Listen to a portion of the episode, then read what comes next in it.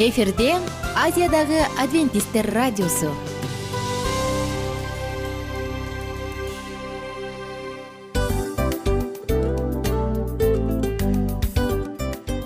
Достор салют.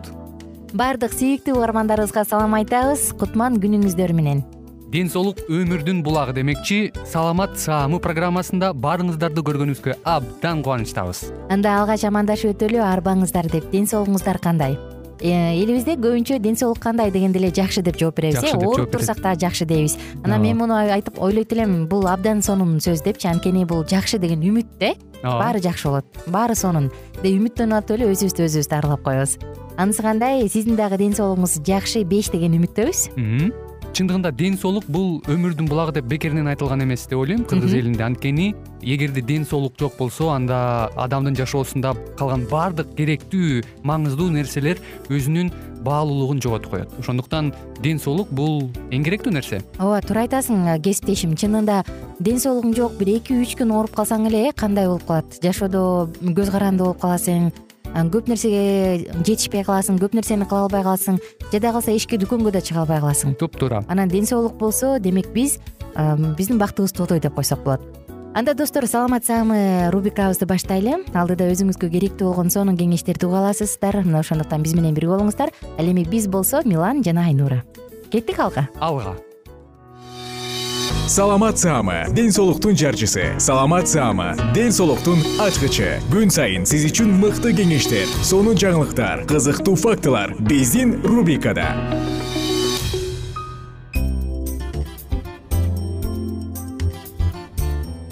Кутман күнүңүздөр менен замандаштар баардык сүйүктүү угармандарыбызга ысык салам.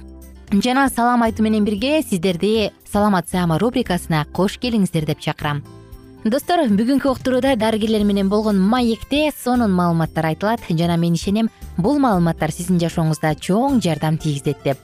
Жагымдуу мүнөттөр бирге болсун. Биздин жыштыктан алыстабаңыздар радионун үнүн өктөмүрөөк чыгарып керек болсо кагаз калем саап алып керек болсо өзүңүздүн уюлдук телефондон диктофондун күйгүзүп алып жаздырып алганга дагы аракет кылыңыз анткени чындыгында бул сонун белек маалыматтар кымбат маалыматтар сиздер үчүн. Жагымдуу мүнөттөрдү бирге өткөрөлү ушу жугу жолдоруна токтосок энеден балага берилген бул үч пайызын түзөт дебедиңизби оорулуу энеден оорулуу бала төрөлөбү кайсы убакта ушул бала дагы же эне дагы оорулуу экенин билип каласыздар? Ушул жөнүндө айтып берсеңиз. Мисалы жана салыштырып айтып кетпедимби эки миң онунчу жыл менен депчи ошол кезде мисалы энеден балага берилген жолу отуз тогуз процент же отуз алты процент түзсө бүгүнкү күнү бир эле процент атабыз э? Мисалы мурда антиретровирустук препараттар жок кезде конечно кыйынчылык кыйынчылыктар болгон. Азыр боюнда бар аялдардын баары вичке текшерилет учетко турганда биринчи бир учурда ушуну кайра жок кылып коюшкан э? Жок боюнда аялдарды башынан баштап эле текшерип келатабыз анан половой партнерлорубуз жүз текшерилчү да баардыгы дейинчи андан кийин он алтынчы жылы баягы глобальный фонддун э, каржылоосу жыйырма беш процентке кыскарганда биздин айлабыз жок болуп калды. Жок кыскартыш керек болуп калды. Анан только по показаниям деп половой партнерлорун текшербей калганбыз эгер күйөөсү наркоман болсо же мындай кандайдыр бир себептер бар болсо туш келди жыныстык катнашка барган шекишип шекиши ошондой шекишсе мындай врачтар иликтөө жүргүзөт ошолорду гана текшерип калганбыз да. Анан бирок быйыл жыйырманчы жылды жыйырманчы жылдын июнь айынан баштап кайра боюнда бар аялдарды эки жолу текшерүү ыкмасын киргизип мындай приказ минздравдын приказы чыкты. Анткени боюнда бар аялдар биринчи учетко турганда оң отрицательный болуп калып атат да кийинки убакта да заражение болуп калып атат да ошондо. Биз билбей калып атабыз да. Биринчиси отрицательный болгондо эле ошол бойдон төрөйт. Төрөгөндөн кийин баласынан чыгып калган учурлар болуп атат ошон үчүн эки жолу текшерүү. Анан биринчи үч айлыкта анан үчүнчү үч айлыкта андан кийин жыныстык катнаш половой партнердун обязательно текшерүү бизге киргизилди да.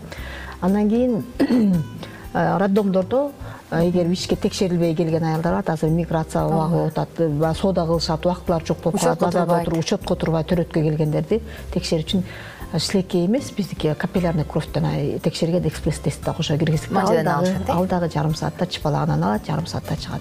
Эми ушул спидтин жугу жолдорун айтып берип атсаңыз менде суроо болду да бул адамдан адамга суюктук аркылуу жугабы же бир гана кан аркылуу жугабы кан аркылуу суюктук аркылуу. жугат анда ушу жугуштуу жолдорун айта кетсем мисалы параденталдык деп атпайсызбы айым гинекологко барганда же болбосо жөнөкөй эле стоматологко барганда ушул вич инфекциясын жугузуп алышы мүмкүнбү? Эми ал медициналык инструменттерди жугуштандыруудан зависить этет да. Мисалы ошон үчүн көзөмөл күчөтүлгөн. Баягы сиз айтып атпайсызбы айтып атпайсызбы азыр илгери эки миң алтынчы эки миң жетинчи жылдары ошто оштун кара суу районунда ноокат районунда ош шаарында жалал абаддын райондорунда вич инфекциясына инфекциясын балдарга жугузган учурларыбыз болгон да үч жүз токсон бир азыркы күнү статистикасы үч жүз токсон бирге жетти да ошондон кийин ага чейин деле инфекционный контроль бар болчу. Бирок ошондон кийин ободтор күчөтүлдү да. Азыр одноразовый шприцтер жетишүү санда подключенный катетерлер жетишүү санда системалар жетишүү санда да. Бирок сиз айтып аткандай жанаг акушерский инструменттер хирургический инструменттер булар көп жолу колдонулчу да. Ошон үчүн азыр катуу талап коюлган аларды жугуштандыруу стерилизация кылуу азыр аябай көзөмөлгө алынат да. Анан баягы жугуштандырган аппараттар автоклав стерилизаторлор убагында проверкадан проверкадан өтүп турабы иштейби деген контроль аябай күчөтүлгөн. Азыркы учурда андай учур каттала элек мен ушул сурооңузга бир аз кайша ой айткым келип турат. Эми бул мамлекеттик мекемелер мамлекеттик ооруканалар жөнүндө. Э азыр тилекке каршы баягы жеке бизнестерди контролго албагыла аларга өнүккөнгө жардам бергиле деген бизде мыйзам бар да. Анын негизинде жеке эле ушул айтылган эле ооруканалар э дарыканалар жеке эле ар кандай иш чараларды өткөрүүчү жайлар бар. Ошол эле стоматологияны алсак андайлар толтура да анан мен дагы бир эпидемиолог эже менен маек курганда ал айтып калды биз барып текшере албайбыз анткени бизде официалдуу уруксат жок депчи. А мындай учурда аларда бир жылда бир жолу уруксат алып анан барган чакты канча деген кардарлар теленет канча деген пациенттер теленет? Бул жааттачы. Бул жаатта эми ал ошо ар бир киши частный клиникачылардын алдында ошондой требованиясы болот да. Одноразовый инструменттер болуш керек. Обработка кыла турган аппараттар болуш керек стерилизатор автоклав болуш керек деген перечень болот да. Анан ошону карап туруп ошол бар бекен деп карап туруп анан санэпидстанция уруксат берет да. Ачканга болот депчи. Анан эми көзөмөлдү ар бир киши медиктин жоопкерчилигине жараша да мисалы стоматологиядан барып спидти жуктурдум деген азыр учур жок чын эле катталган жок да. Бирок иликтейбиз да. Биз мисалы вич инфекциядан чыгып калды. Каяка бардың эле? Кан куйдурдуң беле операция болдуң беле стоматолог бардың беле деп сурайбыз да. Бирок иликтөөнүн аягына чыга албайбыз да кай жерден жукканын аныкталбай белгисиз болуп калат да. Бирок азыр мынакей акыркы приказ боюнча стоматологко барардын астында гепатит б менен сга текшерилип туруп барат. Анткени гепатит менен б аябай көбөйүп кетти статистикасы көбөйүп атпайбы жугузуп алган күндө? Э, жугузуп алган күндө дагы эсептеп туруп инкубационный период алтымыш күнгө жетти деп эсептейбиз да. Эми бирок кээде баягы регистрация кылбай деле текшерип же мындай эме кылып коет да дарылап коет да анан ошого ошого катуу көзөмөлгө алынат да. Бирок ар бир ошо ачып аткан частный клиниканы ачып аткан кишинин жоопкерчилиги болуш керек да жогору болуш керек. Достор жогоруда айтылгандай эле эң сонун маалыматтар биздин ден соолугубузду коргоо үчүн бүгүнкү күндө бар. Канчалык маалымдар болсоң ошончолук куралданган болот эмессиңби мына ошондуктан бүгүнкү айтылган маалыматтар дагы жашооңузга чоң таасирин берип жардамын берип сизди ар кандай кырсыктан ден соолукту сакташ үчүн жаман нерселерден сактасын оорулардан дарттардан сактасын. Адамдын биринчи байлыгы ден соолук. Адамга экинчи байлык ак жоолук керек. Бирок ак жоолук ден соолуксуз кызык мына ошондуктан сиздерге кааларыбыз албетте бекем ден соолук. Өзүңүздүн колуңуздагы байлыкты сактаңыз барктаңыз. Жана албетте бул үчүн болгон күрөшүңүздү жумшаңыз адам баягы жашоосунда колдон келишинче акча таап алып туруп анан кийин улгайып калган кезде баардык тапканын кайра өзүнүн ден соолугуна жумшагандан көрө мейли аз тапса дагы бирок оорубай жашоонун кубанычын татып жашаганга эмне жетсин? Ошондуктан ар бириңиздерге кааларым бекем ден соолук. Коштошобуз достор сиздер менен. Кийинки уктуруулардан кайрадан амандашканча бар болуңуздар сак саламатта туруңуздар. Күнүңүздөр көңүлдүү маанайда улансын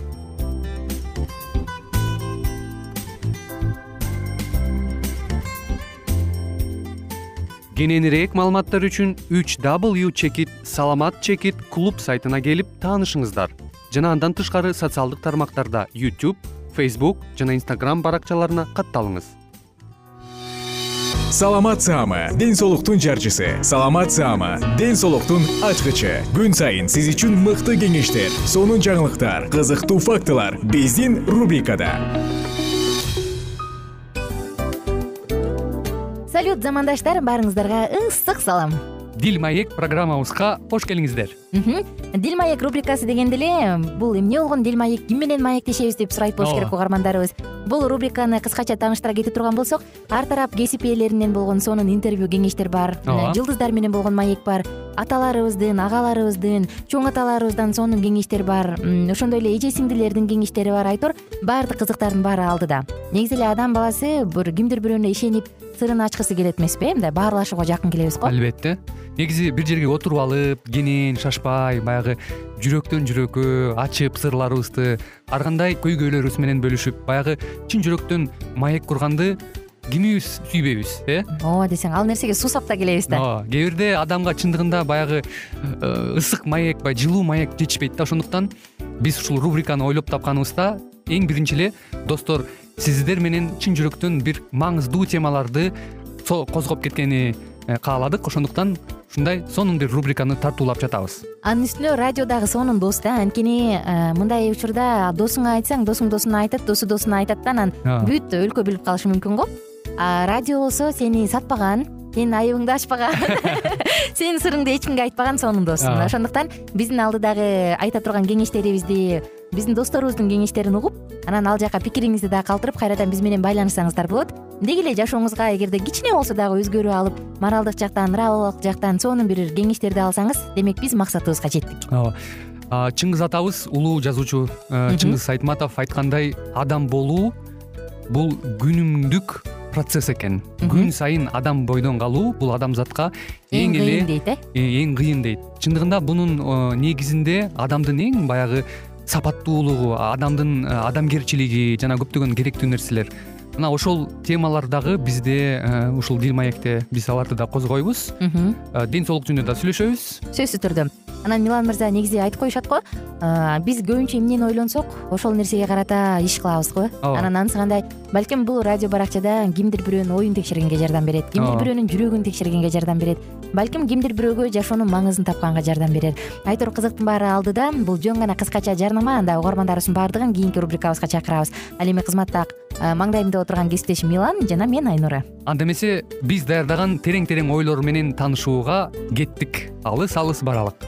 Анда эмесе достор биз менен бирге болуңуздар алдыда эң кызыктуу маалыматтардын баардыгы бир нече мүнөттөр бою жалгыз гана сизге арналат мына ошондуктан жакшы маанай менен угууну каалайбыз. Үн алышканча. Жөнөдүк. Ар түрдүү ардактуу кесип ээлеринен алтын сөздөр жүрөк ачышкан сыр чачышкан сонун маек дил маек рубрикасында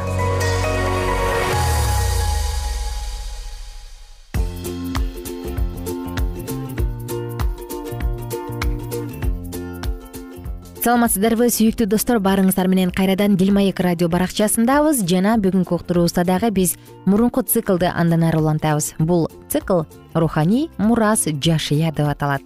Эске салсак мурунку уктурууда биз жашыя нундун уулу жашыя кантип кандайча кудайдын тандалганы болуп калгандыгы жөнүндө окуганбыз. Жана ошол учурдагы ана тилинин укмуштуу жаман салттары жөнүндө бир аз сөз кылганбыз. Бүгүн уктуруубузду андан ары улантабыз канаандагы кудайлардын эң эле жок дегенде экөөнүн түздөн түз шайтанга байланышы бар. Баал беш жүздөн ашык рас шарма улуулуктурунда эскертилет. Ал аба ырайынын кудайы болуп жыл сайын жер астындагы дүйнөгө түшүп натыйжада кургакчылык болгон. Кийин ошол эле жер асты менен болгон байланышты биз баалзабул чымындардын эгеси деген аттан көрөбүз. Бул шайтандын дагы бир аты. Арабча баал аль дубаб ал куранда да отуз жети жүз жыйырма беш ыйык китепте да көп ирет айыпталат. Эгиз кудайлар шахар менен шалимдин да шайтанга байланышы бар. Алар угариттик баал мерчиминин жыйырма үчүнчү лоогунда сыпатталат. Ышая китеби он төрт он экиде шахар да сөз кылынат. Халел бен шахар таңдын жаркыраган уулу. Мунун грекче айтылышы люцифер ана куулдарынын тукуму көп кудайлык жөрөлгөлөрдүн пайда болушуна алып келип алардын баарында кут учурган зулумдук балдар курмандыктары диний сойкулук жана шайтанга табынуу орун алган. Цивилизациянын эрте баскычтарында бул сыяктуу караңгылык иш аракеттеринин өсүп өнүшүнө жана дүйнөдө бекем тамырланышына кудайдын көңүл кош мамиле жасаарын деги эле эсептешиш же элестетиш мүмкүн эмес алдыңардагы китептин башкы каарманы нун уулу жашыя мына ушул сыяктуу ырым жөрөлгөлөр менен кармашат. Кудайдын мээри түшкөн бул кишиге канаан жерин ээлеп алуу милдети тапшырылган. Бул аябагандай кыйын иш эле. Анын алдында не деген кыйынчылыктар туруп жасаган аракеттери дайыма эле оңунан баштанбагандыгына карабай биз ошол улуу иштин үзүрүн бүгүн даана көрө алабыз ал кезде канаан жеринде өкүм сүргөн жийиркеничтүү диндер бүгүн расмий жок болуп тарыхтын барактарында гана изи калып сейрек учурларда гана кайдагы бир фанаттардын ой аракетинде бир жалт этип жок болгон учкунга окшоп кыска убакытка гана жакындашы мүмкүн.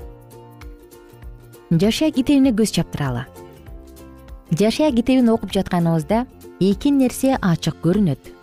Кудайдын көп кудайга ишенген аскер башчыларды жазалаганы жана өзүнө табынууга келгендердин баарына ырайым кылганы. Жашия китебиндеги окуялар биздин заманга чейинки бир миң төрт жүз алтынчы жылы азирети мусанын кайтыш болгонунан башталып жыйырма беш жылга жакын мезгилди камтыйт да канаандын негизги жерлерин ээлеп алуу ошол мезгилдин алгачкы жети жылынын ичинде болгон бирок белгилей кетчү нерсе канаандын толук каратылышы ошону менен бүткөн эмес. Жашия о дүйнө салар алдында кудай ага эң жогорку баа берген бирок ага артылган ушул зор милдетти аткаруу үчүн бир адамдын өмүрү жетмек эмес. Жашиянын жашы өтүп абдан картайып калган кезде жараткан эге ага мындай деди сенин жашың өйдөлөп карылыкка моюн сундуң. Бирок басып алчу жерлер али да болсо көп. Жашия он үч бир. Мындан кийинки аяттарда ысрайылдыктардай эле элек шаарлардын тизмеси келтирилген. Чындыгында төрт жүз жылдан кийин дөөттүн мезгилинде анактын акыркы урпагы жок кылынганга чейин кудайдын планы толук аткарылган эмес. Жашия китебинин жалпы мазмуну негизги үч бөлүктөн турат канаанды жеңип алуу. Биринчи он экинчи бөлүм. Мурасты бөлүштүрүү он үчтөн жыйырма экиге чейин. Ысрайылдын жараткан эгени ээрчүү ниети жыйырма үч жыйырма төрт. Согушту адилеттүү жүргүзүш мүмкүнбү? Өлүм өкүмү чыгарылган учурда да полицияга ошол жазага тартылган адамдын менчигин алып алууга укук берилбейт. Антпесе эки тарап тең айыптуу болмок. Бири адам өлтүргөн үчүн экинчиси уурдаганы үчүн согуштун классикалык эрежелери бул сыяктуу этиканы сактабайт жана жеңүүчү сөзсүз өз олжосун алат. Бирок канаанды жеңип алууда кудай ысрайылга олжо алуу укугун берген эмес. Ошентип текстте сегиз ирет кайталанган кызыктуу сөздү учуратсак болот. Еврей тилинде бир эле сөз кыйратуу жана садага чабуу деген маанилерди берет. Анткени мисирден чыкканыңарда жараткан эге алдыңарда кызыл деңиздин суусун кургатканын иордандын аркы тарабындагы өзүңөр садага чаап салган амурлордун эки падышасы тихон менен огду эмне кылганыңарды уктук. Ошентип өзү анактын тукуму болгон ог падыша толугу менен жок кылынуу садага чабылуу үчүн кудайдын колуна тапшырылган. Ошонун сыңарындай кудайдын так буйругу же уруксаты болмоюн олжонун баары толугу менен садага чабылууга багышталууга жок кылынууга тийиш эле.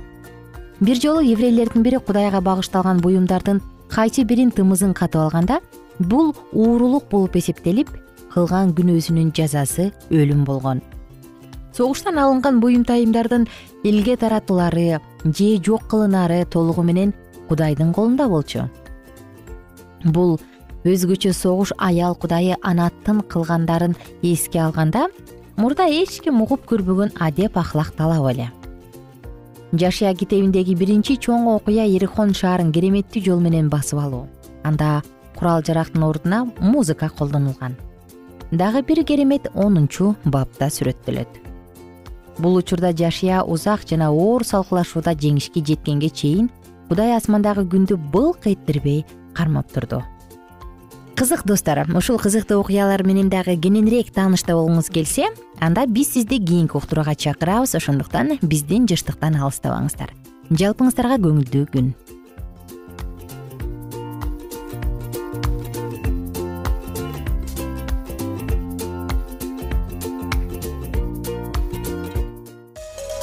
ар түрдүү ардактуу кесип ээлеринен. Алтын сөздөр жүрөк ачышкан сыр чачышкан сонун маек. Дил маек рубрикасында.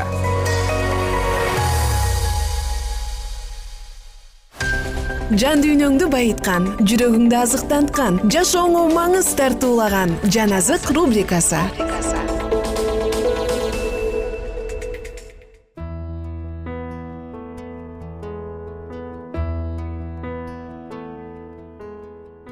саламатсыздарбы сүйүктүү достор? Биздин угармандарыбыздын баардыгына ысык салам айтабыз. Жана сиздер менен бирге кайрадан жагымдуу саатыбызды баштадык. Бул жан азык радио баракчасы. Акыркы учур келечегибиз эмне болот? Деген ар бир кызыктар болгон суроого жооп берген пайгамбарчылык китеби аян китебинин негизинде биз сонун талкууларды жолугушууларды өткөрүп жатканбыз. Жана бүгүн дагы сиздер менен дал ушул аян китеби күкүрттүү көл деп аталган биз он жетинчи чыгарылышыбыздын улантысын андан ары улантабыз биз менен бирге болуңуздар. Мурунку уктурууну эске салсам биз тозок бул эмне болгон жер? Чындыгында тозок триллиондогон жылдар бою күйүп турабы? Кудай жакшы көргөн адамдарын ошол жака салабы? Деген суроолордун тегерегинде бир аз болсо дагы ой жүгүрткөнбүз. Жана биз көптөгөн машаякчылар берген суроолордун негизине келип токтолуп анан кийинки уктурууда улантабыз дегенбиз. Анда ушул суроолорду бир сыйра кайталайлы дагы андан андан ары уктуруубузду уланталык тозок тууралуу машаякчылар берген кээ бир суроолор алар мындай болчу кайталай кетели. Биринчиси тозок качан пайда болгон? Тозок жердин ортосундагы абдан ысык жер экени чынбы? Экинчи суроо тозок канчадан бери бар? Үчүнчү суроо сүйүүгө толгон кудай кантип жакшы көргөн адамдарын жок кылып салат? Бул жакшы суроолор. Туурабы? Библия. Ушундай маанилүү суроолорго конкреттүү жооп берет деп ишене аласызбы? Келгиле алгач обзор жасаш үчүн ар бир суроону өзүнчө карап чыгалы. Андан кийин теманы тереңирээк изилдейли. Биринчиден тозок качан пайда болгон ал азырда барбы деген суроо.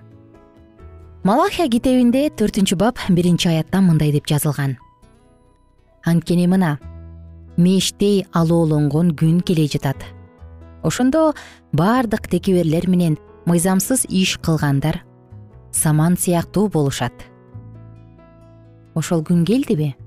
Жок анткени библия от сыяктуу жалындаган күн келет деп айтып жатат. Аларды келе жаткан күн өрттөп кетет дейт сибайот теңир. Күнөөкөрлөрдү жок кылуу акыркы учурда болот. Библия күнөөкөрлөр өлгөндөн кийин тозокко кетет анан алар азыр тозокто деп айтып жатабы? Библия мындай деп жазган.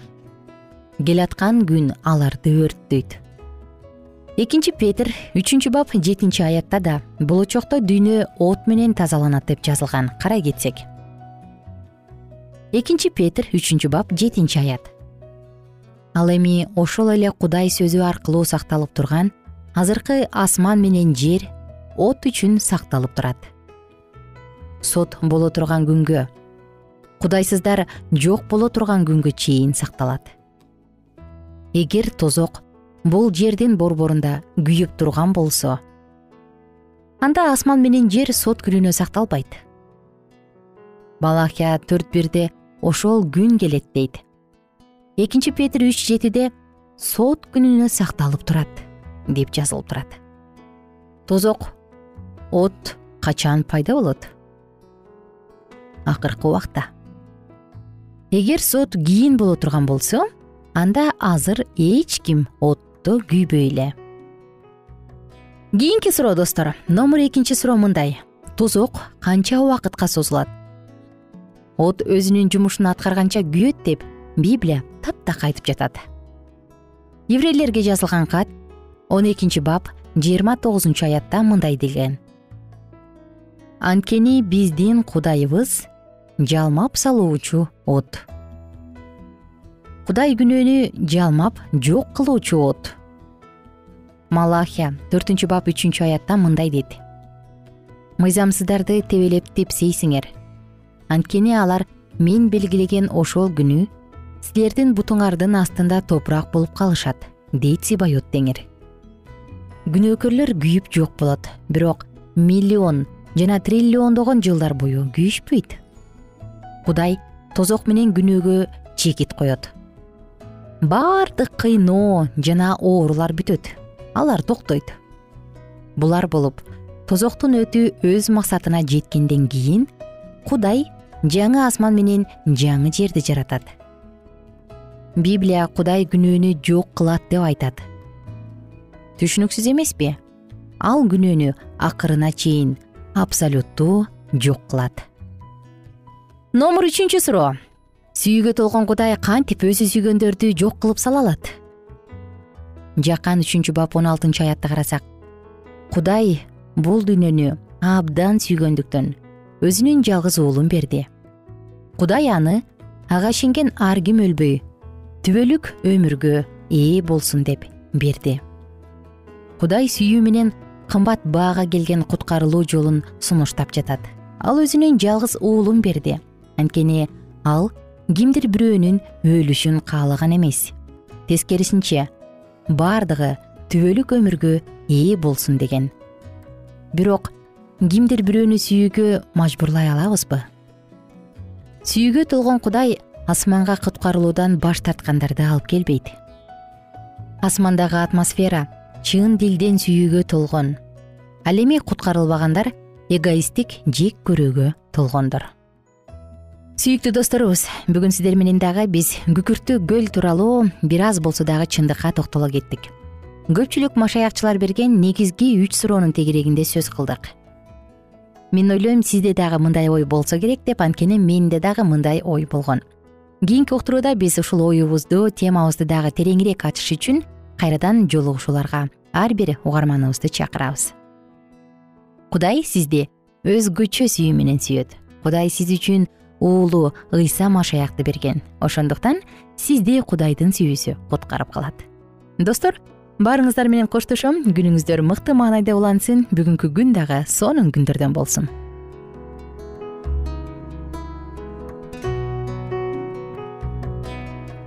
Эгер сиздерде суроолор болсо же көбүрөөк маалымат билем десеңиз анда биздин whatsapp номерибизге жазыңыз.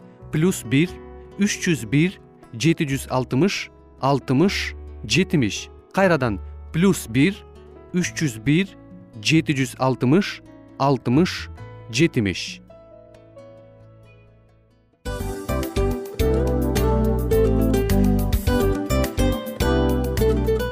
Достор биздин радио баракчаларыбыз соңуна келди. Демек бул программабызды дагы жыйынтыктаочу учур келдик. Учурга келдик. Анан кесиптешимден сурагым келип турат. Негизи эле иштин башталып атканы кубандырабы сени же жыйынтыгы кубандырабы албетте жыйынтыгы. Себеп дегенде сен кылган ишиңдин жыйынтыгын көрүп э, баягы мөмөсүн көрүп дегендей жыргайсың. Жүрөгүң жемишинен кубанычка. тартып э кандай даамдуу деп. Баягы буудай сепкенде эмес буудайдын эгинди жыйнагандан кийин ысык нанды жегенде кадимкидей ырахаттанасың го. Ой айтпа туура айта кеттиң сонун салыштыруу болду анан мен дагы абдан кубанып турам анткени биз угармандарыбыз үчүн аябай эмгектенип келген уктуруубуздун соңуна келип калдык.